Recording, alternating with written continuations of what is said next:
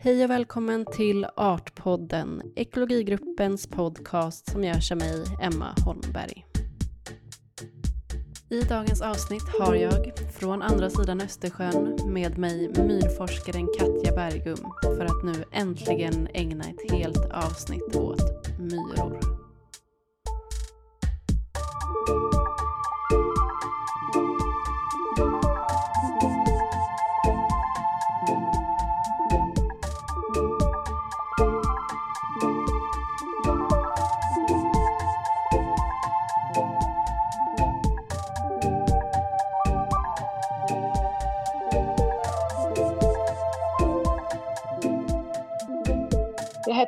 Bergum och jag är vetenskapsjournalist och vetenskapsförfattare och jag har skrivit nu faktiskt två böcker om myror.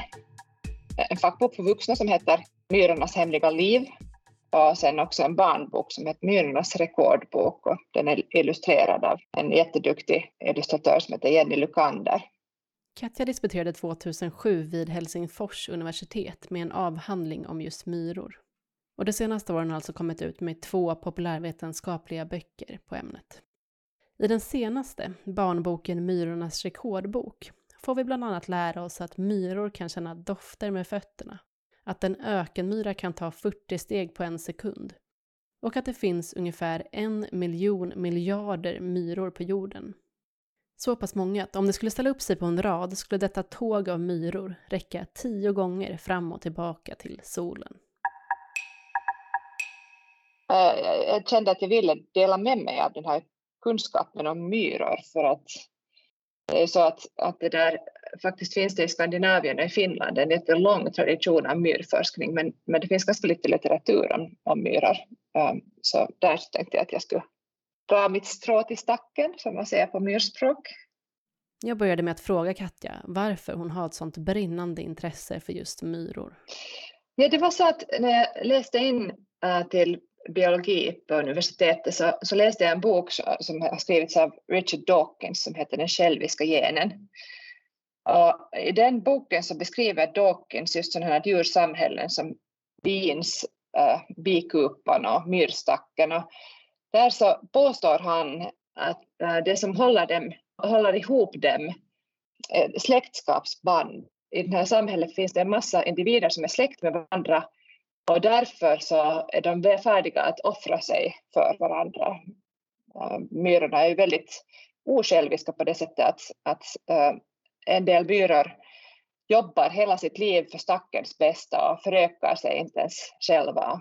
Bara drottningen i myrsamhället är den som förökar sig. Så, och det, här var ett, det här är ganska ovanligt ändå bland, bland uh, djuren och, och i naturen. Och ofta brukar man ju tala om att, att liksom det är den starkaste som överlever och att den starkaste individen äh, lyckas äh, bäst med att para sig och skaffa avkomma och så förs dess, dess gener vidare. Och, och då kan man ju fråga sig att hur är det möjligt att, att de här myrorna allihopa jobbar utan att ens föröka sig och ändå så fortsätter det här beteendet generation efter generation. Då talar Dawkins om att det är fråga om de här själviska generna, de här generna som går vidare också genom att de här myrorna hjälper sina släktingar. Så att när en myra hjälper drottningen att föröka sig så, så får, får, får, får, hjälper den på det sättet sina egna gener som, som den delar med drottningen också att sprida sig vidare. Och det här kallas för släktskapsurval och det är en, en, en stark kraft i naturen och som säkert också har påverka människan på många sätt. För vi har ju också ett väldigt starkt liksom, familje. Familjen är för oss en väldigt viktig social grupp och vi hjälper släktingar, också mera avlägsna släktingar och så. Okej, men så att även om en myra då verkar väldigt eh, osjälvisk när den offrar sig för en drottning så, så menar ni att egentligen så handlar det om en, en självisk handling, den själviska genen som även finns i myrsamhällen där man offrar sig för sitt sin egen släkts skull. Ja, så är det. De här liksom, termerna självisk och osjälvisk ska man du kanske tänka på mera som en subjektiv beskrivning av den här genens liksom, egenskaper än, va, än som ett personlighetsdrag hos myrorna. Alltså, de är ju själva inte liksom direkt medvetna om varför de handlar som de handlar. Och att de, huruvida de är osjälviska eller inte. Men det här läste jag i alla fall som när jag äh, läste in till biologin så läste jag den här boken om, om de själviska generna och blev väldigt intresserad av, av det här som Dawkins beskriver om, om, om äh, hur, hur socialt beteende kan upp, uppstå. Och sen när jag, när jag hade kommit in på universitetet så visade det sig att, eh, sen att det fanns en forskningsgrupp som sysslar just med myror och just med den här frågan. Att vad gör att myrsamhället håller ihop? Och vad finns det för krafter som, som liksom river isär myrsamhället? Um, det, är en, det är en forskningsgrupp som, som leddes då av, av Lotta Sundström i Helsingfors och, och där, så, där så fick jag sen en praktikplats och, och på den, i den gruppen blev jag sen en min doktorsavhandling. Okej, och det tänker jag att vi ska komma tillbaka till. Vad är det som håller ihop ett myrsamhälle och vad är det som eh, håller dem isär? Mm. Jag tänker inte att vi ska kanske lösa den gåtan nu på en gång. Men däremot så tycker jag eh, i relation till det här med att eh, med självisk och osjälvisk och hur vi, eh, åtminstone jag när jag läser om myror, men jag tror att det är ett ganska generellt eh, sätt att förhålla sig till myrvärlden, att vi gärna jämför den världen med vår mänskliga värld och våra mänskliga samhällen. Jag har till exempel tittat på filmen Ants från 90-talet mm.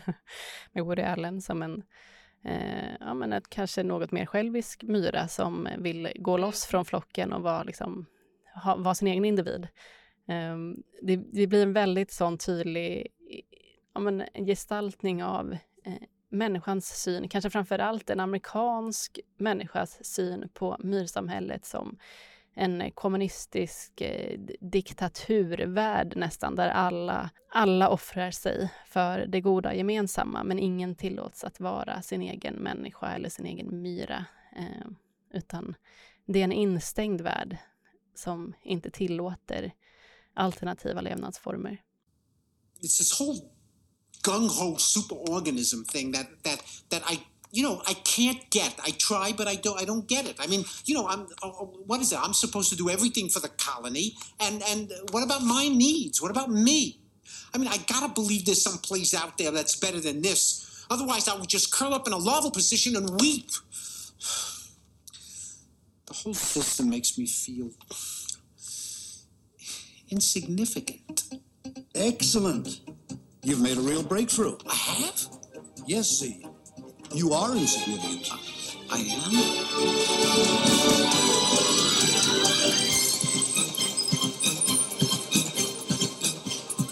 Mm. Jag tänker på, hur, hur ser du själv på de här likheterna eller i alla fall jämförelserna med människovärldar eh, och myrsamhällen? Finns det något i det? Fin, har vi någon anledning att jämföra våra egna samhällen med myrsamhällena?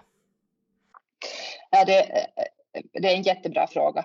Det är väldigt lockande som du säger att jämföra för att i myrvärlden så förekommer så många fenomen som vi också själva äh, känner till. Alltså myrorna odlar äh, grödor som, för att äta dem och myrorna håller sig med husdjur och, och myrorna äh, man har använt myror för att myrornas stigar för att göra modeller som används i telenätverk till exempel. Så det finns så mycket som vi kan liksom dra direkta likhetstecken mellan.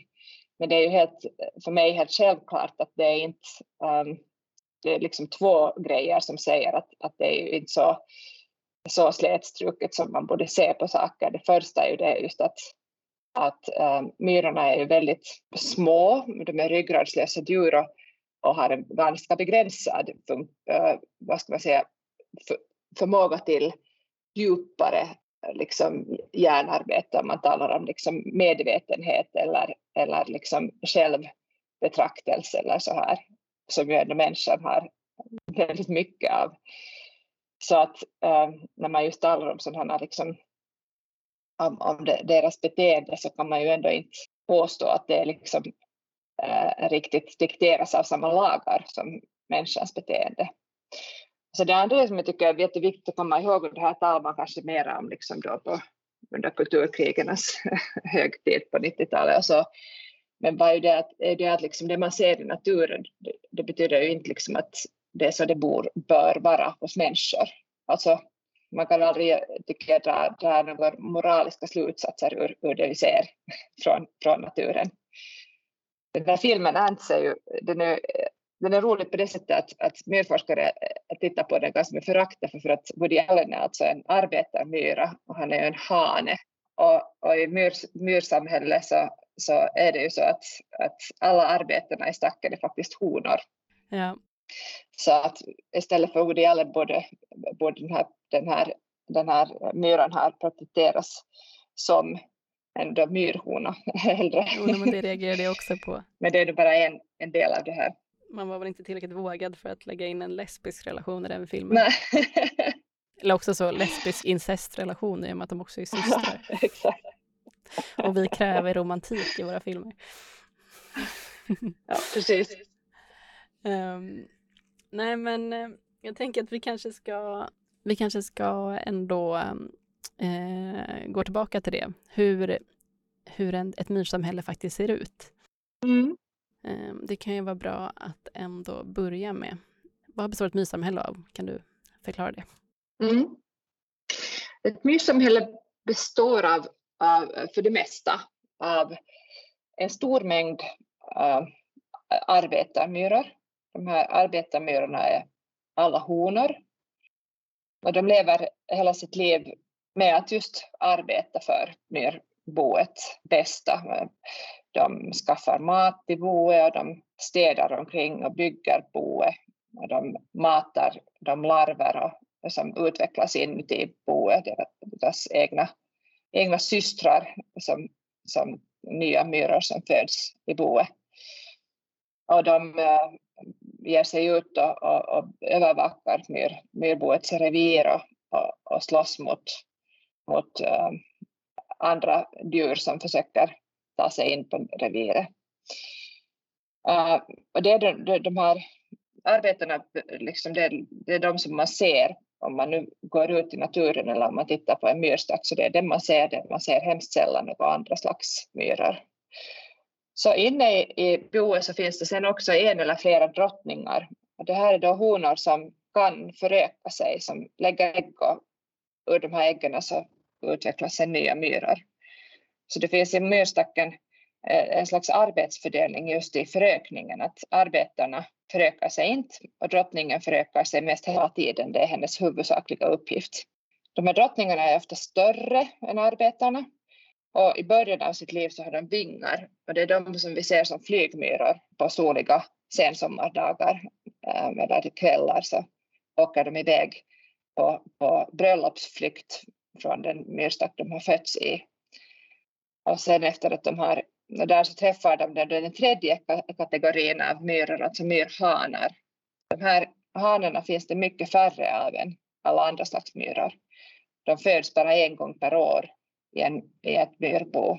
De har också vingar och, och deras uppgift är att, att eh, fortplanta sig, alltså att träffa nya drottningar och, och, och para sig med dem.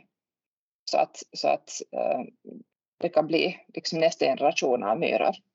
Så de här hanarna är slags, är slags vad ska man säga, fortplantningsmaskiner som lever bara kanske två veckor och, och dör genast efter att de har parat sig. Så ett myrsamhälle består alltså av dels arbetare, som är majoriteten av ett myrsamhälle, och det är då alla honor. Och om man då liksom drar kopplingen till ants så, så är oavsett om det är liksom en arbetsmyra eller en soldatmyra som eh, som kanske försvarar myrsamhället mot andra inkräktare så är det alla de arbetare och de är då döttrar till drottningen. Eh, som då kan vara en eller ett flertal i en myrstack. Ja, så är det. Så eh, de här hanarna som man kan se i filmen ens, de existerar inte i ett myrsamhälle förrän då drottningen föder ett antal hanar som är då drönare. Ehm, men då, om jag förstår det här rätt, så de här hanmyrorna som föds, de, deras enda uppgift är att använda sina vingar som de föds med och flyga upp, bort, lämna myrsamhället för att para sig med drottningar i andra myrsamhällen. Ja, så är det. Det, det är ett kort liv för ha, i, i myrsamhället. Eh, och då har jag en följdfråga. Eh, för det här var någonting som Nina Burton berättade, att eh, de här myrorna, eh, drottningarna och hanmyrorna, drönarna, de bestämmer sig för att flyga upp från sina samhällen, från myrstackar eller från marken och para sig under en tidpunkt som brukar ligga någonstans mellan 17 och 20.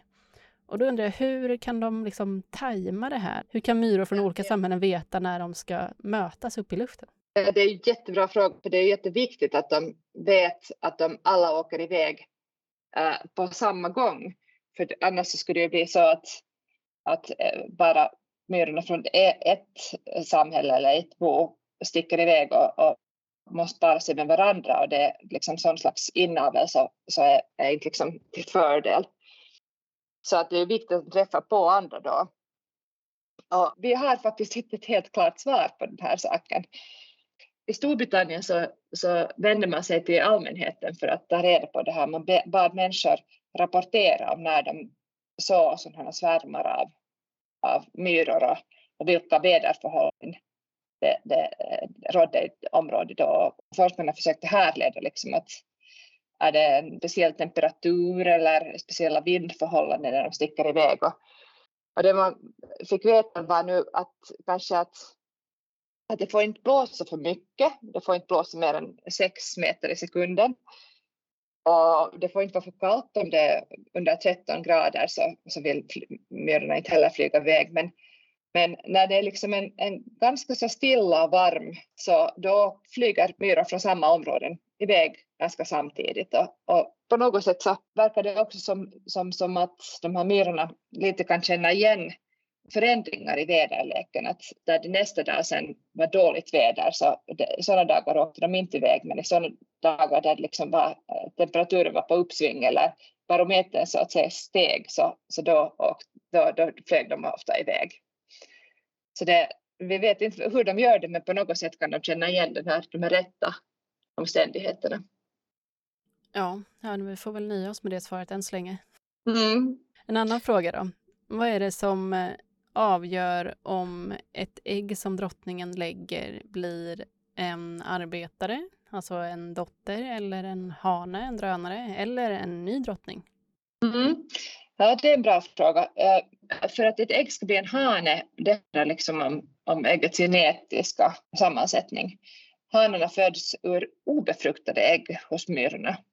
Så att ett ägg som en hona lägger som inte har blivit befruktat av en spermie från en hane, så det, det ägget blir liksom en, en ny hane.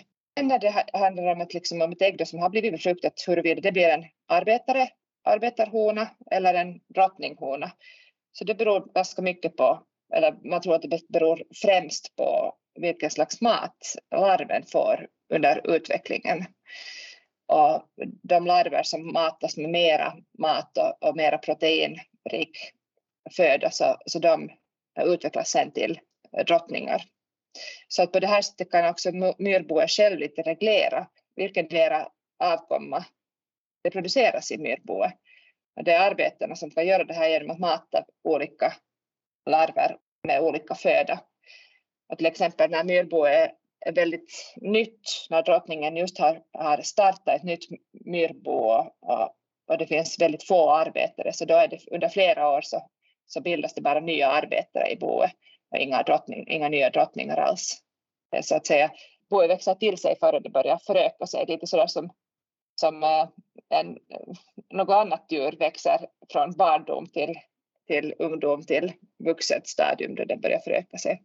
Det här för mig in på den, den tanke som ganska ofta, en annan lik, liknelse som ofta görs om, om ett myrbo, att, att det är som att hela myrboet med alla sina miljoner, miljontals invånare på något sätt bildar som en superorganism, en, en enda stor organism. Där, där man kan säga att de här arbetarna är liksom sån vävnad i organismen som, som behövs för att, för att växa och för att, för att skaffa näring och som lite sådär som våra ben och våra muskler och våra sinnen och, och sen drottningarna är liksom könscellerna eller det som behövs för att föröka sig. Okej, det är det man menar med en superorganism. För jag minns att jag läste det här i er bok att en, ja, ni skriver att en myra är inte en myra utan en superorganism. Eh, så när du tittar på liksom en, en rad med arbetarmyror som springer längs en stig, då ser du liksom inte tio individer eller hundra individer för den delen, utan du ser eh, kanske en, snarare en muskelmassa som är på gång för att inhämta mat. Ja, precis. Alltså att, att den enskilda myran är, är bara som en del av den här stora organismen, superorganismen. Så kan man se på, på, på myror och det, på ett visst sätt så är det kanske också logiskt. Det vi talade om tidigare, alltså det att, eh, att eh, arbetarna när de arbetar så ser de till att deras egna gener sprider sig genom att drottningarna förökar sig och drottningarna är arbetarnas mammor så de har alltså samma gener så drottningarnas avkommor är också sprider vidare de här samma generna. På samma sätt kan man ju tänka sig på våra egna kroppar. Att en hudcell så jobbar gärna genetiskt sett så jobbar liksom en hudcell gärna för det att kroppen klarar sig så att könscellerna kan gå vidare till nästa och bilda nästa generation av människor. Det finns liksom inte något konstigt i, i, i det, det, här, det, här, det, den här enskilda hudcellens liksom intressen, genetiska intressen är, är de samma som hos könscellen. De ligger liksom inte i konflikt med varandra.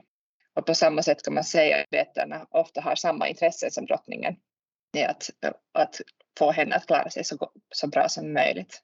Um, ja, gud vad intressant. Så att, nu kommer jag tillbaka till att jämföra med, med oss själva igen då, men om jag förstår det här rätt så kan man tänka sig att drottningen är våra könsceller? Ja, i princip kan man tänka sig så. Som, eh, vi, om vi ska fortsätta liknelserna, så drönarna är egentligen skickas ut som spermier. Ja, precis. För att möta andra, andra superorganismer. Så kan man säga. Eller för att möta, just det, nej för det är just det, de, de skickas ut för att möta andra könsceller i form av andra myrdrottningar. Ja, precis. Okej. Okay.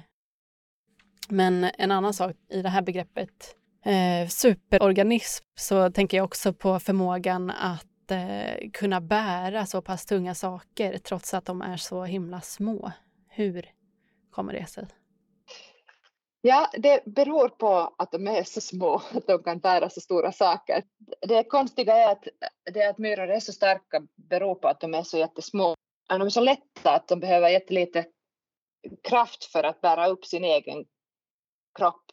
Alltså hos oss till exempel så går en stor del av energin åt till att vi faktiskt bara bär upp kroppen, alltså att vi, våra muskler arbetar för att bära våra tjocka och tunga ben, vår, vårt skelett. Men hos myrorna så är de så lätta att, att de kan använda nästan alla sina muskler för att lyfta och, och släpa. Och med det här menar jag alltså att, att om man skulle krympa ner oss, det är ju vägen till, till myrornas storlek, så skulle vi också kunna liksom lyfta, jag skulle kunna lyfta upp dig på raka armar hur lätt som helst. För att det, det, är egentligen bara en fråga om liksom fysik, så att säga, fysika, fysikens regler. Det var ju då en, en klumpigt formulerad fråga från, min, från mitt håll. Eh, att de, hur kommer det sig att de kan bära så tungt när de är så små? Att det alltså är själva förutsättningen ja. för att de kan. Så tänker man ju själv, förstås man tänker så. Alltså att, att det är så konstigt att de kan vara så starka när de är så små. Uh, ja, uh, men då, det får mig också att vilja djupdyka lite mer i arbetarnas roll, eh, som ändå då måste fylla ut massa olika funktioner, om man bortser från just liksom, fortplantningen i det här. Eh, vad, vad gör arbetarmyrorna? Finns det, jag har förstått det som att de har lite olika typer av uppgifter. Ja, absolut hos många myror så är det så till exempel att de yngsta myrorna, de som just har fötts, de stannar inne i, i myrboet och, och sköter om uh, till exempel just larverna som de, sina småsyskon så att säga. Och sen ju äldre uh, myran blir så desto större är sannolikheten att hon börjar ge sig ut också för att samla föda utomhus och, och, och, och just möta omvärldens faror på olika sätt. Så att, um, och sen hos vissa myrarter så finns det skilda eh, grupper av arbetare som är specialiserade just på till exempel att vara ute och, och slåss. Man brukar kalla, tala om sådana här soldater, myrsoldater som kanske just fysiologiskt ser lite annorlunda ut. De har kanske stora huvuden och stora käkar. Bland våra arter så är till exempel hästmyran en sån art där man kan säga att vissa arbetare har jättestora huvuden. Och det är de som mest slåss till exempel mot andra myrar, andra kolonier och kanske tar de största bytena också. Ja, men och det är väl det är den här typen av arbetsfördelning som också återigen får en att jämföra myrsamhällen med våra egna samhällen. Eh, och det här är också någonting som Nina Burton tog upp i avsnitt 16 av Artpodden där jag pratade med henne.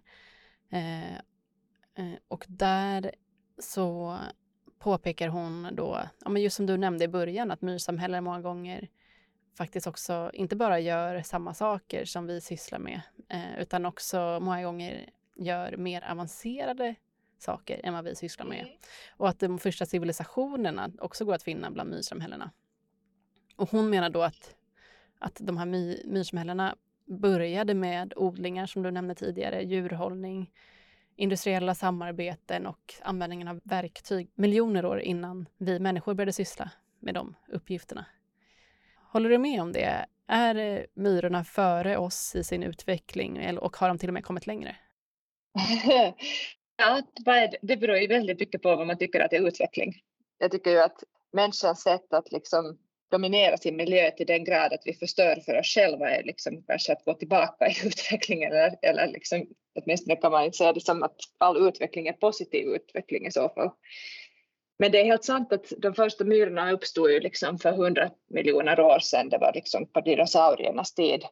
Och också de myrorna uppstod från från någon, någon slags ganska getinglik uh, urform som i sig själv redan kanske har, har varit lite social och, och haft liksom, så, så, att säga tendenser till, till socialt liv. Också de här myrorna är väldigt nära släkt med getingarna och bina. Så att äh, det som är ganska intressant är att bland de här myrornas släktingarna, alltså steklarna, bin och getingar och humlor och sånt så har, har den här sociala levnadsformen faktiskt uppkommit flera gånger. Att det är någonting med den här gruppen som gör att, att den är speciellt, att det här sociala livet är typiskt för den. Men äh, man kan nog säga att, att, att de här myrorna har väldigt uppseendeväckande och förvånande talanger som, som vi får veta mer om ju mer vi studerar dem. Till exempel så framkom det för för en tid sedan så har det visat sig att myrorna faktiskt kan egna läkemedel på flera sätt som de använder för att kämpa mot eh, sjukdomar i sina bon. Ett myrbo är ju liksom lite, nu, nu tar jag ut de här liknelserna igen, men ett medbo är ju lite som en stad. De är väldigt långlivade, myrbon kan bestå i tiotals år och det är ett slutet samhälle där, där man måste bli av med avfall och, och, och döda individer för att inte det ska liksom komma förruttelse och bakterier in i, i boet. Det är väldigt viktigt att hålla liksom en god hygien. Och då har liksom myrorna flera olika sätt att sköta det här som, som är ändå ganska avancerade. Till exempel hos äh, de här vanliga skogsmyrorna, stackmyrorna som vi kan se, så har man till exempel hittat en massa kåda, droppar av kåda i deras äh, myrstackar. Och man kan ju kanske tänka att den här koden bara kommer dit slumpmässigt eller, eller att den faller från träden, men det är faktiskt så att myrorna släpar in den här kådan helt bestämt och, och, och liksom med mening. Och det är därför att kåda är ett väldigt bra antibakteriellt medel. Det gör att bakterier har svårare att sprida sig inne i stacken. Och speciellt liksom, potent blir det här den här kådan när den blandas upp med myrornas egen myrsyra, alltså den vätskan som finns i stackmyrornas bak som de tycker om att spraya på människor och djur som kommer i närheten. När de blandar den här kodan med myrsyra så blir det ett jättemycket starkare läkemedel än vardera komponenten är för sig själv. Så det finns ganska många sådana, det här då att de är som små apoteksbiträden Ehm, sådana liksom fenomen som är väldigt människolika och som vi kanske också i viss mån kan lära oss av. till exempel har bladskärarmyrorna så har olika sätt att odla antibiotika på, på sin hud. Va? Det där får du utveckla. alltså att, att alltså bladskärmyrorna och några andra myrarter odlar alltså svamp för att äta. Och de har stora planteringar med svamp i sina underjordiska bon. De, de här bladen som bladskärarmyror i alla naturdokumentärer släpper omkring på är inte för att myrorna ska äta dem själva utan de lägger dem under jorden som föda för svampen. Svampen äter, eller svampen livnär sig på de här bladbitarna. Och den här svampen producerar då små fruktkroppar, alltså små sådana eh, uppstickande svamp, svampar som, som myrorna äter av. Och det är faktiskt det mesta eh, av bladkärramyrornas föda kommer just direkt från den här svampodlingen. Men då finns det just en sån svampodling som då faktiskt kan bestå i tiotals år och som när drottningen ska, eh, när de nya drottningarna ger sig iväg för att bygga sitt eget bo så tar de med sig en bit av den här svampodlingen som en liten eh, början på deras egen plantering. De planterar den sen i sitt eget, det nya boet som de börjar bygga. Men eh, sådana här svampodlingar så de kan leva i väldigt länge och det är väldigt viktigt att de hålls då friska. Just för att de ska hållas friska så har då bladskärmyrorna en, en speciell körtel som utsöndrar ett medel som är antibakteriskt. Och så dessutom så täcks de här myrorna av en, ett slags vitt pulver och det är i sig själv en, en bakterie som producerar antibiotika som myrorna sen strör ut över den här svampodlingen. Lite som en, ett bekämpningsmedel mot, mot andra bakterier. Och man har faktiskt försökt undersöka den här den här formen av antibiotika för att se att om det är något som vi kunde vi människor kunde ta, ta och använda i vår läkemedelsarsenal. Det är fortfarande i startgropen. Att myror kan producera antibiotika är ett hett ämne idag då vi människor frenetiskt letar efter nya substanser som kan bita på människosjukdomar och antibiotikaresistenta bakterier. Och det verkar som att forskare hittills har lyckats utvinna helt nya bakterieproducerande substanser från det afrikanska myrsläktet Tetraponera, som faktiskt ser ut att bita på flera antibiotikaresistenta sjukhusbakterier. Och vad gäller bladskärarmyrorna så kan man verkligen, som Katja gör i sin bok, kalla dem för myrvärldens verkliga hygienexperter. Likt andra myrarter så utsöndrar de mycket syra antimikrobiella substanser ur en särskild körtel, metapluralkörteln, med den här syran kan myrorna enkelt tvätta sig rena, inte helt olikt en handsprit vi har fått för vana att smörja in våra händer med. Men förutom metapluralsyran så producerar alltså bladskärarmyrorna ett eget antibiotikum i samarbete med en bakterie som lever i kolonier i gropar på myrornas skal. När bladskärarmyrornas svampodling hotas av bakterier kan myrorna alltså försvara odlingen genom att använda bakterierna som ett bekämpningsmedel. De här bakterierna producerar bland annat streptomycin, samma ämne som råkar vara en av de första antibiotiska substanser som människan började använda. Den stora skillnaden är att vi började använda detta ämne först 1944, medan myrorna tog det i bruk för flera miljoner år sedan. Man undrar liksom hur de har listat ut det här, eller om det ens går att prata om att de har listat ut någonting, eller om det... Det är det jag tycker är svårt med myror. Kan man säga att, de, att myror är intelligenta, eller är det eller det ni också skriver om är en kollektiv intelligens hos ja. myrorna.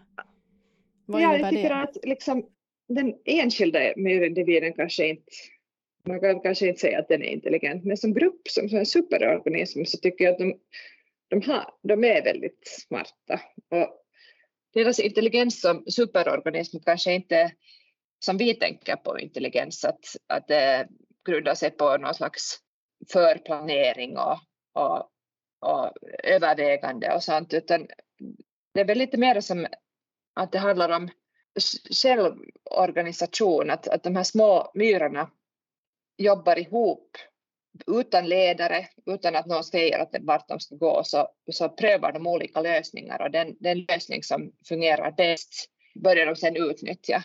Ett exempel på det här är, är när de ska söka sig ett nytt bo. Ehm, då ger sig de här arbetsmyrorna ut i, i olika riktningar. Och när, när någon av dem hittar ett, en bra boplats så går de tillbaka till sitt gamla bo och så hämtar de med sig en kompis för att se på den här potentiella nya stället. om den här kompisen tycker att det verkar, det verkar bra så går den och hämtar en ny, lite som i den där barnsången om, om eh, elefanterna som marscherar på rad.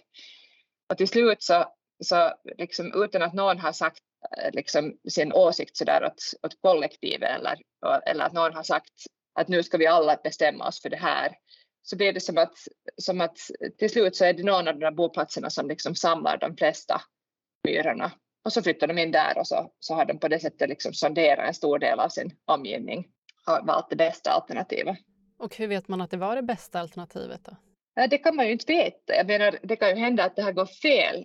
För det mesta går det rätt. Jag tror att det kanske räcker. Liksom.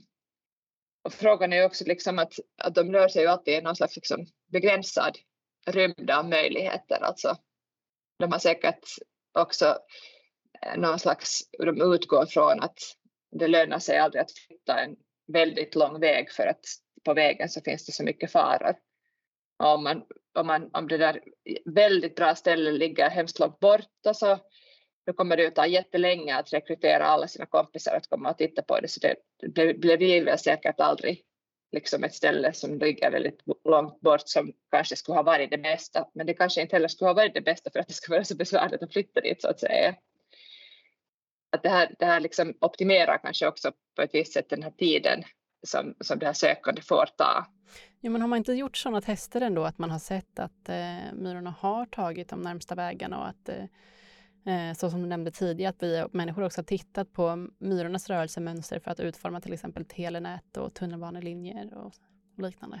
Ja, precis. Ett bra exempel på myrornas kollektiva intelligens eller hur de organiserar sig utan ledare så är en myra hittar ett, en näringskälla och går tillbaka till sitt bo. Då lägger den myran rumpan i marken och och lägger ett doftspår från en, en, en luktkörtel i bakkroppen ända vägen till, till hem till boet.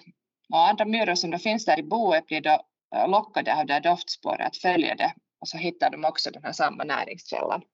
Och så när de går tillbaka så lägger de likaså ett, eh, förstärka förstärker det här doftspåret när de går tillbaka med att själv lägga ut doft längs det.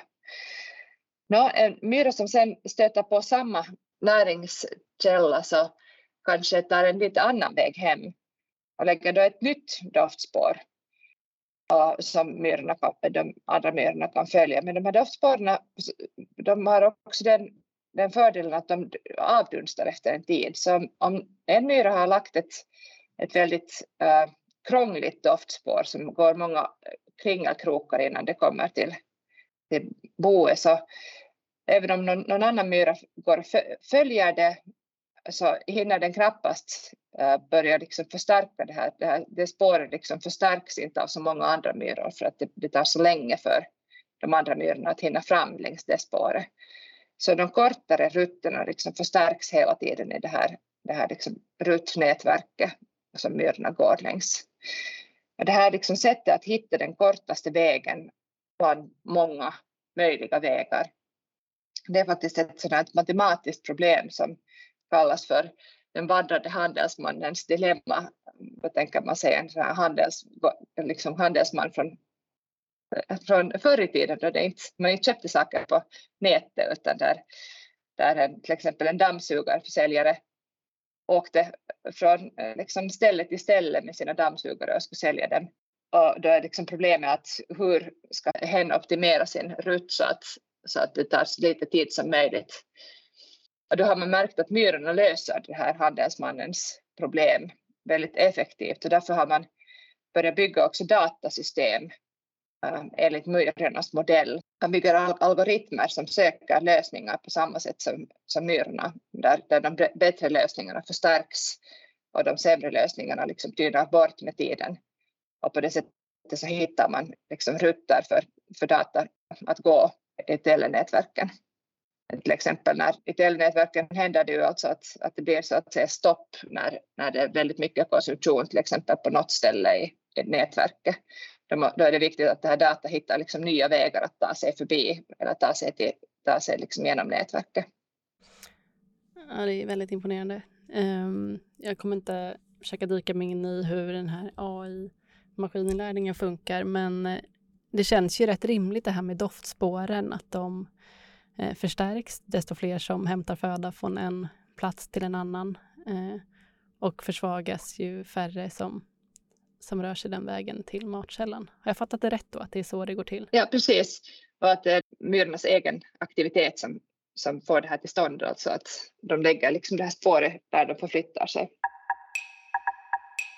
Apropå just feronomerna så undrar jag, visst, det, det är väl med hjälp av dofter, alltså feronomer, som, eh, som myror kommunicerar generellt? Ja, myror använder dofter till nästan allting i sitt liv. Det är jättesvårt för oss att föreställa oss det för att vi själva, människor lever så mycket med synsinne. Vi, vi har massor med sätt att beskriva vad vi ser, former och färger och, och så här, men, men vi har ganska, liksom, det är inte så mycket som vi kan säga ens med ord om vad saker luktar. Liksom, att, eh, jag tror att om en myra skulle kunna tala så skulle den liksom kunna beskriva olika väldigt fina nyanser, nyansskillnader i liksom lukter. För lukterna är för myrorna det viktigaste sättet att både att kommunicera och också att, att just ehm, äh, myrorna använder lukter för att, för att lämna spår, äh, doftspår åt andra och och de använder lukter för att äh, signalera för fara. De känner igen sina kompisar på lukten och de känner igen hur fruktbar en drottning är på hur hon luktar. Så att hela myrans värld är liksom en enda värld av, av olika dofter. Ja, det är ju svårt att uh, föreställa sig hur en sån värld skulle uppfattas. Men är de alltså är de helt döva? Ser de någonting? Orienterar de med hjälp av några andra sinnen än luktsinnet? Ja, de flesta myror uh, kan se uh, och sen beror det lite på arten att hur bra de ser. Vissa har nog väldigt, väldigt små ögon och ser hemskt suddigt. Kanske ser mer liksom skillnader på ljus och mörker än, än, än liksom på bilder. Um, med hörseln är det lite, det, det känner man kanske inte så mycket till. Man antar, de har alltså inga speciella hörselorgan, de har inga liksom öron. Men det är klart att de säkert känner av vibrationer Eh, genom marken eller genom väggen, eh, boets väggar, eh, väggar och så. Men det finns liksom inte någon, det, det är väldigt få som, som skulle använda det liksom ljud för att kommunicera på. Så att det mesta handlar nog om dofter och också smaker. Alltså det är ju det här kemiska sinnena, doft och smaker hos myrorna väldigt kombinerade. Alltså de, de använder liksom smaksinne också för att lukta på saker. De, till exempel arbetsmyrorna matar ofta varandra, inte bara i syfte att ge mat åt, från den ena till den andra utan för att utbyta liksom information till exempel om vad för slags föda det finns i boet just nu och, och också kanske att, att det här säkert är en, en liksom kompis och inte en, en fiende, den här andra myran. Så matar de varandra. Ja, är det så de främst liksom håller reda på vilka myror som tillhör deras eget samhälle? Eh, eller hur har de koll på, på släktskapen egentligen? Det, det tror man. Man tror att myrans egna gener som ju är väldigt lika varandra inuti ett myrbo eftersom alla är syskon, plus då den här gemensamma uh, miljön, alltså de dofter som finns inne i ett myrbo som kan bero till exempel på om det är byggt under en sten eller inne i ett träd. Eh, att det skapar liksom en helt specifik sån här luktprofil som alla myror i samma samhälle delar och som, som då är olik från myror från ett annat samhälle fast de ska vara av samma art. Så då ser man nog att, att liksom att myror som är från två olika samhällen som stöter ihop kan börja slåss eller kan bete sig aggressivt mot varandra. Och det tror man att beror på att de känner igen varandra på lukten, inte, inte på synen till exempel. Ja, det är, det, det är också kul att liksom föreställa sig att man skulle lukta till sig eh, släktskap respektive fiendeskap. Precis myrorna har ju liksom speciella organ för att göra det här, antennerna som sitter på deras huvud. De här antennerna här, då, det är liksom, de riktar sig åt olika håll, så det är lite som att vi skulle ha två jättelånga näsor som vi kan liksom rikta precis vart vi vill i 360 graders liksom, riktning åt båda hållen och höra liksom, eller förlåt, och, och liksom lukta i stereo. exakt liksom peka på varifrån en viss lukt kommer. Det, det, är, väldigt, det är väldigt konstigt, men, men å andra sidan om vi skulle be en myra för, föreställa sig hur det skulle vara att se som vi människor gör, skulle den inte heller kunna göra det. Så jag tycker det här är ett jättefascinerande område, därför för att, för att det finns så hemskt många olika sinnen som djur har, som inte vi har förmåga att se olika slags färger eller som inte som är osynliga för oss eller att känna liksom jordens magnetfält eller då att ha väldigt skarpa sinnen, som, sådana skarpa sinnen som vi inte, vi inte har, som fladdermössen som hör så otroligt höga ljud och kan reagera snabbt på dem. Det är väldigt spännande att föreställa sig. Liksom. Ja, eh, precis. Det tycker jag alltid är kul. Jag tycker att jag ofta brukar liksom hamna där när jag har de här poddarna, att man går in i olika artgruppers olika sätt att se världen på. Att då, man slutar ju inte misslyckas med att försöka sätta sig in i säg, grodors, fåglars, eh, bins verklighetsuppfattning. Det... Nej, men på samma gång så tycker jag att den här, det också sätter liksom, när man tänker så här att ja, hur ser myrorna världen och hur är det att se världen som en människa, så då blir, blir det som att vi tänker att liksom människan ser världen på ett, vis, ett visst sätt men egentligen så tycker jag att det här också får mig att tänka ganska mycket på det att det är också möjligt att olika människor ser världen på väldigt olika sätt. Alltså att um, hur jag ser färger så vet jag ju att, att det finns många människor som ser färger, liksom människor som är färgblinda eller, eller så. Men vad vet jag egentligen om överhuvudtaget om det, hur, hur, människor, hur andra människor ser, ser eller känner av världen? det tycker jag också är, är ganska liksom är något som jag har börjat fundera på också när jag, när jag, när jag försöker tänka mig in i liksom hur djur ser världen. Ja, men när vi pratar om det här med just att eh, kommunicera med hjälp av lukter och att eh, myror kan, kan urskilja släktskap och, och främlingar baserat på, på doft, så, så tänker jag också på någonting som eh, min kollega Rickard berättade i avsnittet med Nina Burton och som jag också faktiskt lovade att komma tillbaka till när jag gjorde det förra avsnittet om fjärilar i podden eh, och ängsmark, mm. nämligen blåvingarna och hur de eh, så att säga lurar sig in i myrbon genom att lyckas åstadkomma den här doften som är unikt för det myrsamhället. Hur, eh, hur går det till? Det är väldigt, eh, det är väldigt intressant och det har faktiskt forskats ganska mycket om den här sammankopplingen mellan de här vackra blåvingarna och, och framförallt eh, rödmyrorna, ättamyrorna. Um, en blåvingelarv så finns det lite beroende på, på vilken art den hör till. Det, men i princip så lägger den sig någonstans där den kan bli upptäckt av en myra.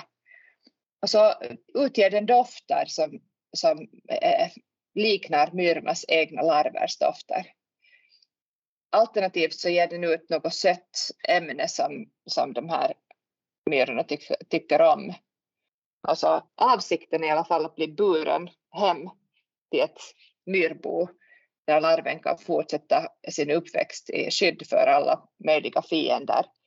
Och dessutom då blir matad ofta av, av de här myrorna som då på något sätt upplever att den här larven är bara en, som en jättestor trevlig myrbebis det här liknar ju väldigt mycket gökens beteende bland fåglarna, att, att liksom gökungen eh, är liksom blir favoritbarn för sina fågelpar som har i vars bo göken har lagt sitt ägg. Och det där, ibland så hos vissa arter så är det faktiskt Eh, så är den så lurig dessutom fjärilslarven att, att den till och med käkar upp myrornas egna larver och ägg under det att den ligger där inne i, i boet.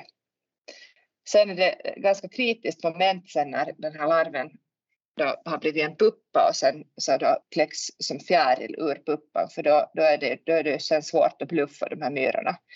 Så då får den snabbt försöka ta sig ut ur, ur myrboet innan den liksom blir upptäckt, den här fjärilen. Ja, det känns svårt att smyga ut som fullutvecklad fjäril ur ett myrbo. Ja, den, jag tror att den gör det innan den liksom börjar pumpa upp vingarna fulla med blod så att de liksom börjar... När en fjäril kommer ut ur sin puppa är det ju liksom som en ganska skrynklig, smal pinne och så börjar den så småningom liksom genom att aktivt liksom pumpa upp pumpa in blod i vingarna så börjar vingarna breda ut sig och liksom släta ut sig. Det är väldigt fint att se på om man någon gång har lyckats se en, en fjäril som kommer ut. Den håller på i flera timmar och, och liksom blåser upp sig. Ja, ja, men det här är ju ändå ett eh, ganska fascinerande och lite kul exempel på något som man väl ändå kan kalla parasitism från eh, blåvingarnas sida. Man parasiterar på myrornas ja. arbete. Eh, och då till, till, till och med äter myrlarver. Eh, Men eh, visst finns det också exempel på andra typer av mutualism där, där myror samarbetar och eh, man lever i symbios med andra arter. Ja, det finns det. Framförallt gäller det här ju myrorna och bladlössen som är ett väldigt utbredd, en väldigt utbredd mutualism. Alltså myrorna har ju bladlössen lite som boskap, mjölkboskap.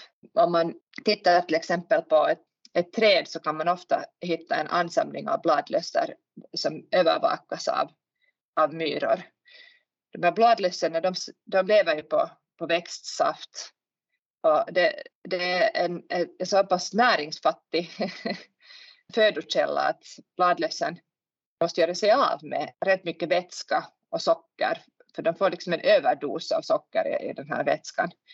Och det gör de av sig med att kissa ut det i, i, ur bakkroppen och, och då, då den här vätskan dricker de myrorna av.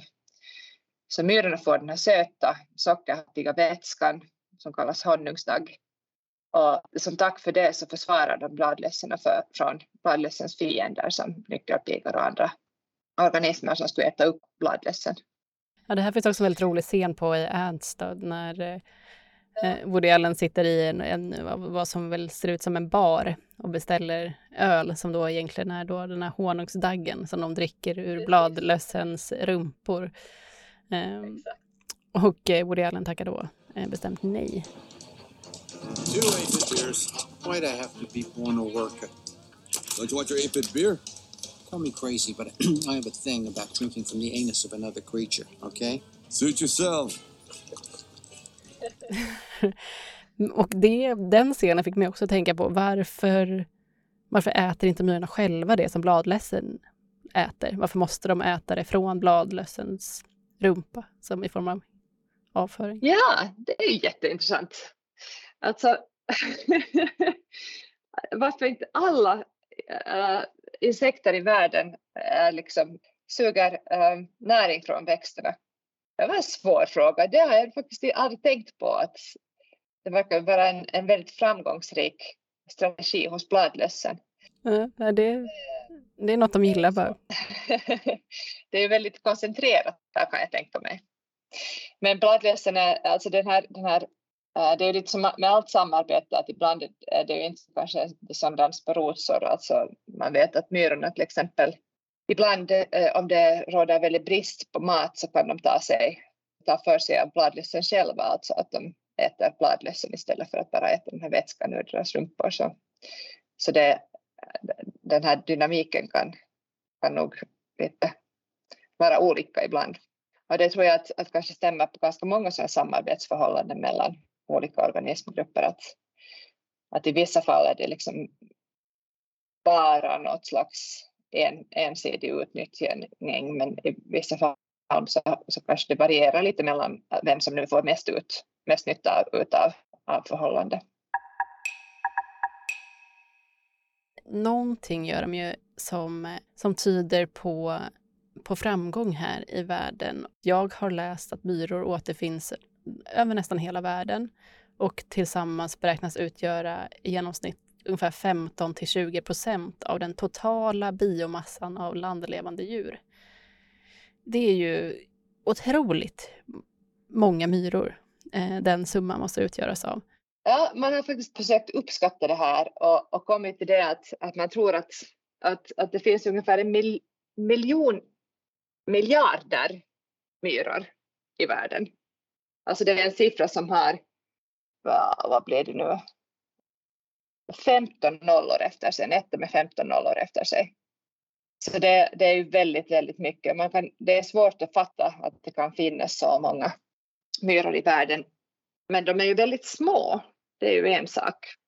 Och väldigt många av dem så lever ju liksom ganska i skymundan ändå. Liksom de lever i markskiktet, de lever kanske i barken på träd och under stenar och, och så här. Så att, så att vi helt enkelt inte liksom uppfattar dem. Men hur, eh, vad, hur kommer det här sig? Var, liksom, var i ligger myrornas framgångsrecept? Varför blev just myrorna så, så ofantligt många? Det beror nog på deras sociala äh, levnadssätt. Alltså genom att de kan bygga bon så har de möjlighet att bosätta sig på jättemånga olika ställen. Boet kan liksom anpassa sig så att, det, så att det är möjligt att bo både uppe i träden och under marken och, och liksom inne i hus och, och lite var som. Och sen å andra sidan den här liksom kraften som finns i den här superorganismen, de här många, många, många små myrorna som alla jobbar tillsammans. Uh, som gör att, att liksom samhället så att säga är mer skyddat än en enskild individ någonsin kan vara. Ett myrbo eller en myrstack kan råka ut för stora katastrofer utan att hela boet skulle förstöras. Till exempel på vårarna kan man hitta myrstackar där, där en björn har gått och grävt under vårvintern då, då det finns så väldigt lite näring annanstans att få så går ofta björnar och försöker ta ut, få ut myror att äta. Uh, och då är det liksom som hela myrstacken har ett stort hål i sig och man kan tänka sig att det är liksom tusentals myror som har fått sätta livet till. Men ändå så för det mesta är drottningen oskadd där längst ner och, och kan fortsätta bygga upp myrstacken på nytt när vi pratar om myrstackar kan man också säga att, att just myrstacken som byggnadssätt gör det möjligt för myrorna också att överleva vintern. Den isolerar, det bildar som en isolerad, ett isolerat hus där, där myrorna kan bura ihop sig tillsammans och, och, och klara sig över vintern. Ja, är det någonting jag förknippar med myror så är det just synen av en stor myrstack i skogen. Och visst har jag hört talas om myrstackarnas förmåga att hålla värme, men jag visste inte att en myrstack kan hålla en innetemperatur på över 20 grader trots att det ligger snö i skogen utanför. Och det är just det som är stackens funktion, att fånga upp värme från solen. Och myrstackens form av en kupol innebär generellt en stor mängd yta som exponeras för sol. Ytan som består av barr från tall och gran men även löv, små stenar och bitar av kol är tätt packad för att stå emot vind och regn medan det på insidan finns jord som är mer porös och full av gångar mellan små och stora kammare, där myrornas rörelser bidrar till att hålla värmen i stacken. Och det är på det här sättet myrorna lyckas skapa ett klimat där deras ägg, larver och puppor kan utvecklas i en optimal temperatur. Men det är inte bara myrorna själva som trivs i myrboets värme. Kvalster, gråsuggor, skalbaggar och nyckelpigor är bara några exempel på andra artgrupper som trivs i de varma myrstackarna. I en finländsk studie hittade man hela 70 andra djurarter i 12 stackar byggda av Karl Skogsmyra. Och sammanlagt känner man till över 100 arter som är helt beroende, antingen av myrstacken som livsmiljö eller av myrorna själva, vilket blir ett tydligt exempel på vilken betydelse myror har i våra ekosystem. Men av våra 81 nordiska arter är det faktiskt bara 16 som bygger stackar. De andra håller till i jord eller sand eller mörkna träd eller i vitmossor. För det är ju så att myror finns praktiskt taget överallt. Apropå det här med att eh, det finns så ofantligt mycket myror över hela det här jordklotet eh, så undrar jag om eh, det här är första gången jag pratar om en artgrupp som det går bra för här i podden och i världen. är det så, eller hur går det för myrorna? Jag tror inte att någon artgrupp liksom helt och hållet undviker människans inverkan på, på arterna. Alltså, myrorna är ju en jätteviktig del av olika ekosystem och, och när de här ekosystemen förstörs så, så viker ju också myrorna under. Om man till exempel tänker på när skogarna skövlas så, så är det också många myrarter som stryker med. Men äh, det är klart, myror är rätt resilienta mot förändring just som jag sa kanske på grund av just sin stora artantal. Och man kan också säga att, att det finns bland världens värsta främmande arter så finns det också många myror. Myror har lätt att liksom flytta sig till nya ställen och, och börja upprätta kolonier på andra orter. Så att det finns vissa sådana främmande arter som klart gynnas av, av människans aktivitet. Det, det görs mycket forskning nu på hur klimatförändringen och uppvärmningen kommer att påverka myror. Just som, som hos andra arter, att, att speciellt arterna i tropikerna kommer att få det väldigt svårt. Myror som är växelvarma djur, de använder supermycket resurser när det, när det är väldigt varmt. Och när det blir för varmt så, så klarar de sig inte mer alls eftersom de har liksom inget sätt att själv reglera kroppstemperaturen eller de kan inte liksom göra det fysiologiskt. Det är klart de gör det själva genom att försöka söka sig i svalka eller, eller under jord, marken eller så. Men det, det är kanske de här tropiska arterna som, som det kommer att vara svårt för den här uppvärmningen. Sist men inte minst då, vad tycker du att eh, våra lyssnare bör lära av myrorna? Ja, kanske jag tycker att myrorna kan lära oss någonting om det att små varelser kan vara väldigt viktiga. I naturen så är det inte alltid de största och mest sydliga organismerna som är viktigast. Alltså, myrorna är ju väldigt viktiga arter i många ekosystem. De är så kallade nyckelarter som många andra arter är beroende av. Allt från bladlössen som sitter och käkar på en tall i en, i en barskog nära till dagmaskarna som har en bättre jordmån på grund av att myrorna har luckrat upp jorden där de byggt sina gångar och bon. Så är myrorna väldigt betydelsefulla. Trots sin ringa storlek så är de väldigt betydelsefulla i sina ekosystem och det kan vara kul att böja sig ner och titta på vad de egentligen sysslar med. Tack så mycket Katja Bergum och tack till alla er som har lyssnat. Följ oss gärna på Artpoddens egna Instagram. Hej då!